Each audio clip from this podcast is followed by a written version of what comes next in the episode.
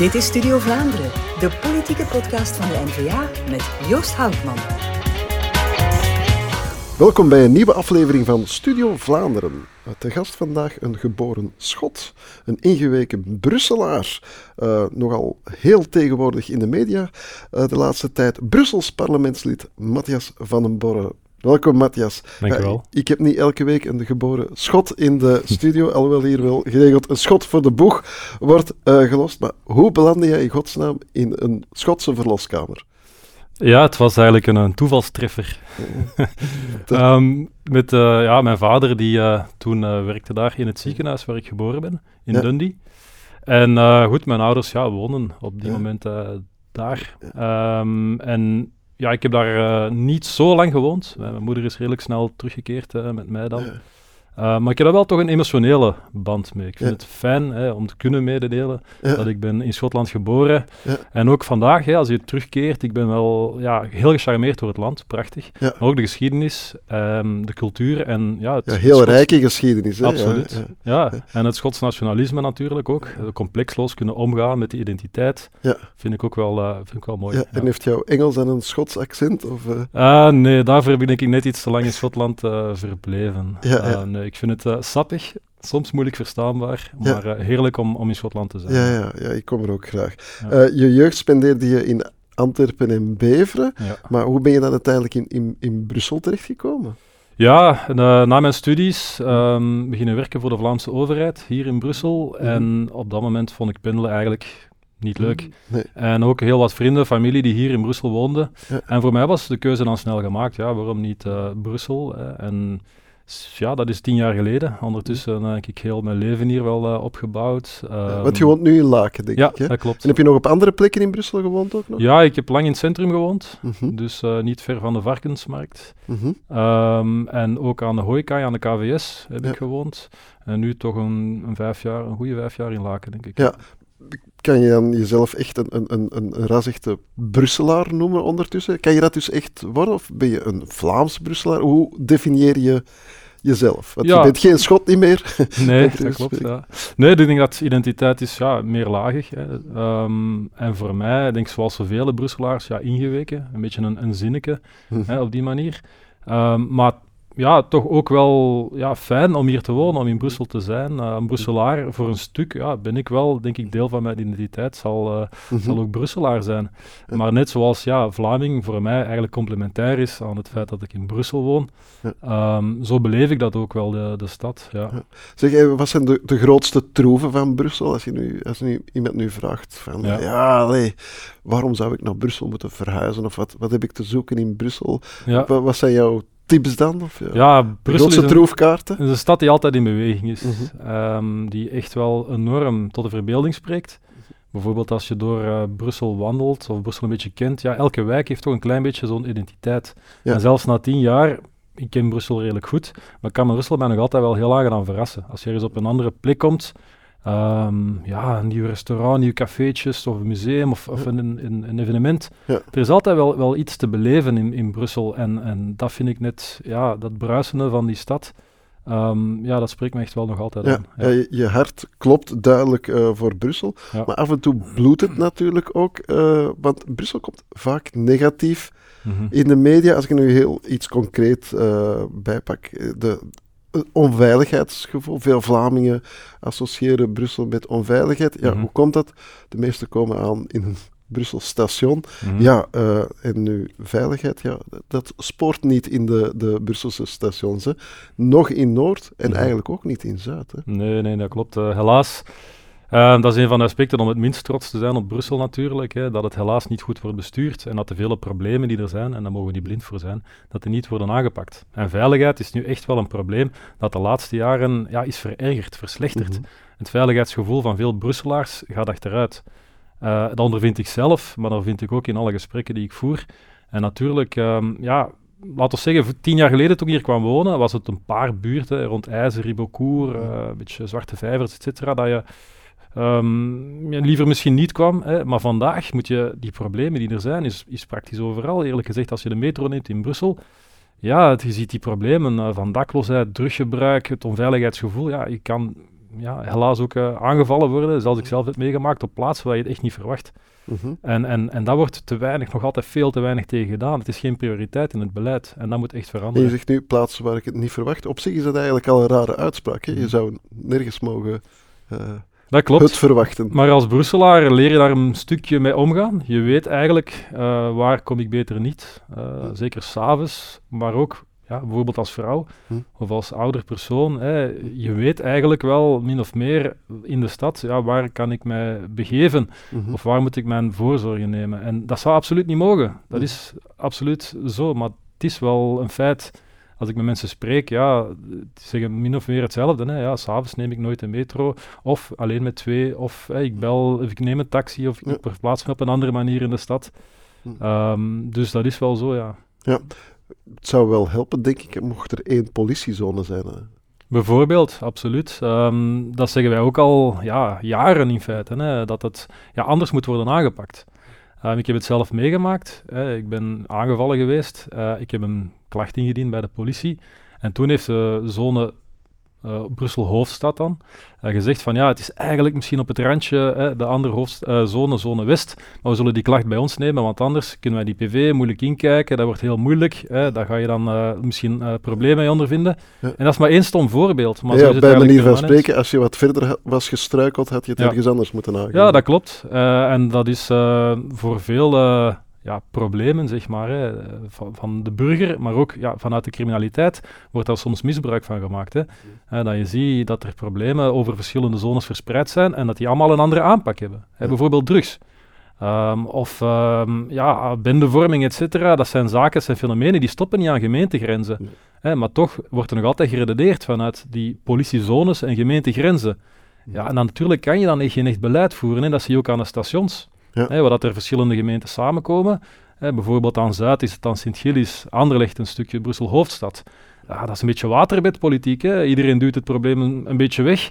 Maar het probleem blijft natuurlijk wel. wel Want jij, jij had een, een, stationsplan in, in, gedachten. Kan je dat even toelichten? Ja, het is zo dat uh, de problemen aan Brussel-Zuid, die hmm. in de media zijn geweest natuurlijk, uh, maar ook Brussel-Noord, die daar evenzeer uh, een gigantisch veiligheidsprobleem heeft ja, dat daar veel te weinig wordt gedaan, jarenlang. En ik had eigenlijk ja, in de zomer al een plan gelanceerd mm. hè, om daar eigenlijk korte metten mee te maken. Om echt ja, de chaos die er bestaat op het terrein, om daar veel drastischer, uh, acuter op in te grijpen. Ken je concrete elementen daar? Bijvoorbeeld een, uh, een samenscholingsverbod, mm bijvoorbeeld een alcoholverbod, bijvoorbeeld ja, veel strenger drugsproblematiek aanpakken. we moeten weg van het gedoogbeleid dat er vandaag bestaat. Mhm naar echt ja, drugsbendes, drugsdealers en drugsoverlast echt wel terug uh, bij de kraag nemen.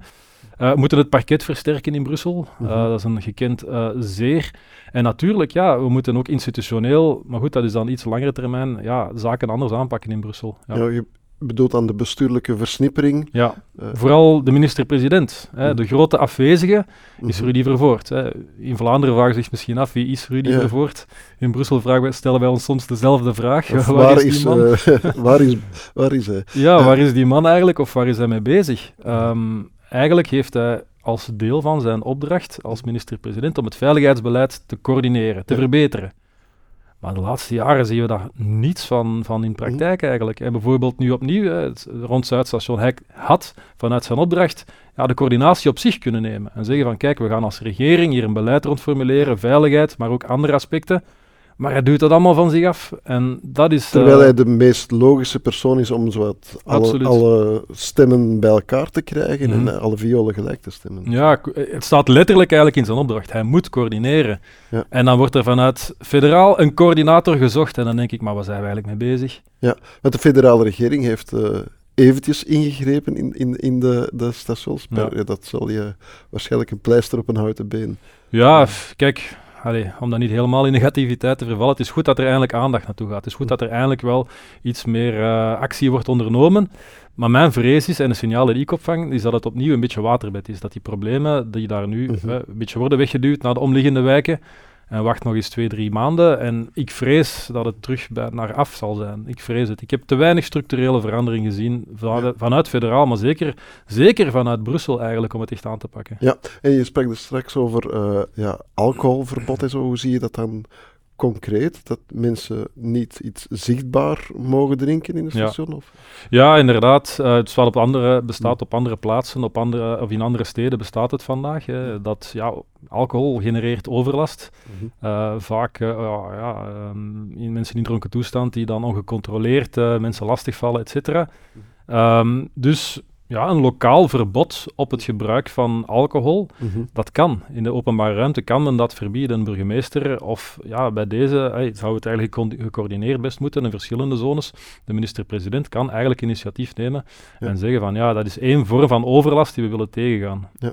En uh, we hadden het over een, een, een, grote politiezone die niet bestaat natuurlijk. Ja. Maar zelfs de politie die er vandaag is, ja, infrastructureel zijn die ook niet echt... Uh, uh, goed bedeeld. Hè? Wel, de middelen die naar uh, politie in Brussel gaan, volgens mij um, volstaan die in feite voor een groot deel, denk ik, dan wel voor een opdracht. Maar eh, ja, het gaat opnieuw, hè, uh, gaat het over efficiënt bestuur, mm -hmm, ja. het beheer van de politie. En daar stel ik mij dan vragen bij. Hè, bijvoorbeeld uh, bodycams, mm -hmm. hè, iets waar iedereen denk ik nu wel overtuigd van is, van het nut daarvan. Ja, ja dat is zone personen worden die aangekocht. Iedereen is bezig met een soort van eigen beleid daar rond. Terwijl ik opnieuw denk, ja, maar dit is echt iets wat Rudy Vervoort zou moeten doen. Om mhm. dat centraal aan te kopen, uh, te kopen en centraal aan te sturen. Heel het beleid daar rond, voor heel Brussel. Uh, een andere zaak is bijvoorbeeld uh, het nieuw hoofdkantoor mm -hmm. van politie Brussel Hoofdstad. Dat is een project dat is opgestart in 2015. Mm -hmm. Binnenkort zijn we tien jaar verder. Binnenkort zijn we tien jaar verder. Het had eigenlijk nu Mhm. klaar moeten zijn. Vandaag ongeveer had de politie daar moeten intrekken. En we zitten nu nog maar aan het begin van de vergunningsprocedure. Dat is, ja, daar is natuurlijk ja, de politie niet mee geholpen. Hè. Dat, dat zorgt niet voor efficiënt uh, beleid. Nee, dat bevordert ook de, de werksfeer niet, denk ik. Hè. Um, uh, het is een groot gebrek aan efficiëntie, hoor ik dan. Ja, dat zeker. Allee, als je vandaag uh, naar het hoofdkantoor hier aan de kolenmarkt in Brussel gaat, denk ik dat is een, dat is een reis terug in de tijd. Mhm. Dat is geen reclame voor de politie. Ik denk dat is geen, ja, dat is geen goed imago denk ik, voor de politie om, om, om zo'n ja, verouderde infrastructuur te moeten werken uh, vandaag nog. Um, en nogmaals, allee, het is niet alleen de infrastructuur, het is natuurlijk ook de mentaliteit. Um, denk ik dat je daar echt naar het ja, één Brussels beleid moet gaan. En dat je dat ook vanuit de politie mee moet cultiveren. Hè. We zijn er als politie voor heel Brussel. Mhm. Niet voor één gemeente of twee gemeenten, maar we zijn er voor alle Brusselaars. En ik denk dat dat veel kansen ook kan creëren. Mhm. ja, van mensen die hun carrière in willen uitbouwen, meer specialisatie in bepaalde wijken en één gemaakte visie uh, ook vanuit de politie. Ja, je stelt nu dat je als bij uh, Wonder zo het hele veiligheidsbeleid zou in handen krijgen voor Brussel. Dat je, je moet nergens op, op, op letten. Je, jij mag beslissen. Wat zijn dan de, de, de top drie van, van prioriteiten die je zegt van dat, dat en dat zou ik doen? Ja, ik denk dat de burgemeesters vandaag, de 19 burgemeesters in Brussel, um, dat die eigenlijk die laag ertussenuit moet. Uh, met alle respect voor hun uh, opdracht. Hè. Ik denk dat er van onder hen wel, wel de meeste zullen zijn die het proberen goed te doen binnen hun gemeente. best vermogen. Maar um, ja, eigenlijk naast elkaar of soms tegen elkaar werken. Hè. Mhm. Dat is uh, soms, uh, denk ik, een tapijtenhandel um, die daar gebeurt. Uh, en, en ja, die laag moet er eigenlijk tussenuit. En dan kan je, denk ik, ja, naast de minister-president één sterke korpschef zetten. Hè, dat moet natuurlijk wel iemand zijn met ja, capaciteit. Ja, en autoriteit ook. Ja. Autoriteit. Um, maar dat kun je bijvoorbeeld spiegelen aan ja, Londen, New York. Um, steden, uh, internationale steden, waar je ook één, één gemaakte politie hebt. Ja. Um, en daarnaast natuurlijk moet je de controle, want die is ook natuurlijk noodzakelijk, moet je volgens mij wel bij het parlement leggen. Dat je daar um, echt wel toezicht houdt op uh, zowel de middelen, maar ook natuurlijk ergens het kader, eh, zeg maar in Brussel, specifiek voor Brussel dan de politiebesluiten en, en al die zaken uh, moet je daar echt wel meer, veel meer aandacht aan geven. En vandaag wordt die taak voor een stuk onttrokken eigenlijk aan het parlement. Ja, dus klinkt mij allemaal als, als heel rationeel en eigenlijk logische ingrepen. Ja, mm. hoe komt het dat dat inzicht niet, niet doordringt? Ja, het is een ouderwets machtsspel, denk ik, uh, tussen die burgemeesters en het niveau van het gewest. Uh, niemand wil ook maar één morseltje macht afgeven. En ik denk, burgemeesters hebben het gevoel van, ja, als ik die veiligheidsbevoegdheid afgeef en de politie niet onder mijn hoede meer heb, ja, dan, dan verlies ik macht en aanzien. Mm. Hè, dan heb ik minder controle. En ik denk dat het daar voor een stuk uh, misloopt. Uh, maar ook, uh, dat is mijn inschatting, is er een communautair aspect. Mm-hmm. Omdat Franstaligen hebben alle burgemeesters in handen. 19 burgemeesters zijn allemaal Franstaligen. En ook op het macht van de gemeenten zijn ze veel sterker, staan Franstalige partijen veel sterker mm. dan uh, Vlaamse partijen. Terwijl als je het op het niveau hoger zou trekken, op het niveau van het gewest, is er meer, dus geen absolute, maar het is toch meer pariteit. Is er meer inspraak. En dan denk ik ook dat je meer ja, een beetje een Vlaamse reflectie in een aantal uh, veiligheidsbeslissingen kan, kan steken. Ja. En ik denk dat ze daar nog een stuk ook de vrees voor hebben. Ja, um, je hebt er straks verteld hoe je in Brussel bent uh, beland. Je hebt ook heel duidelijk je, je engagement uitgesproken.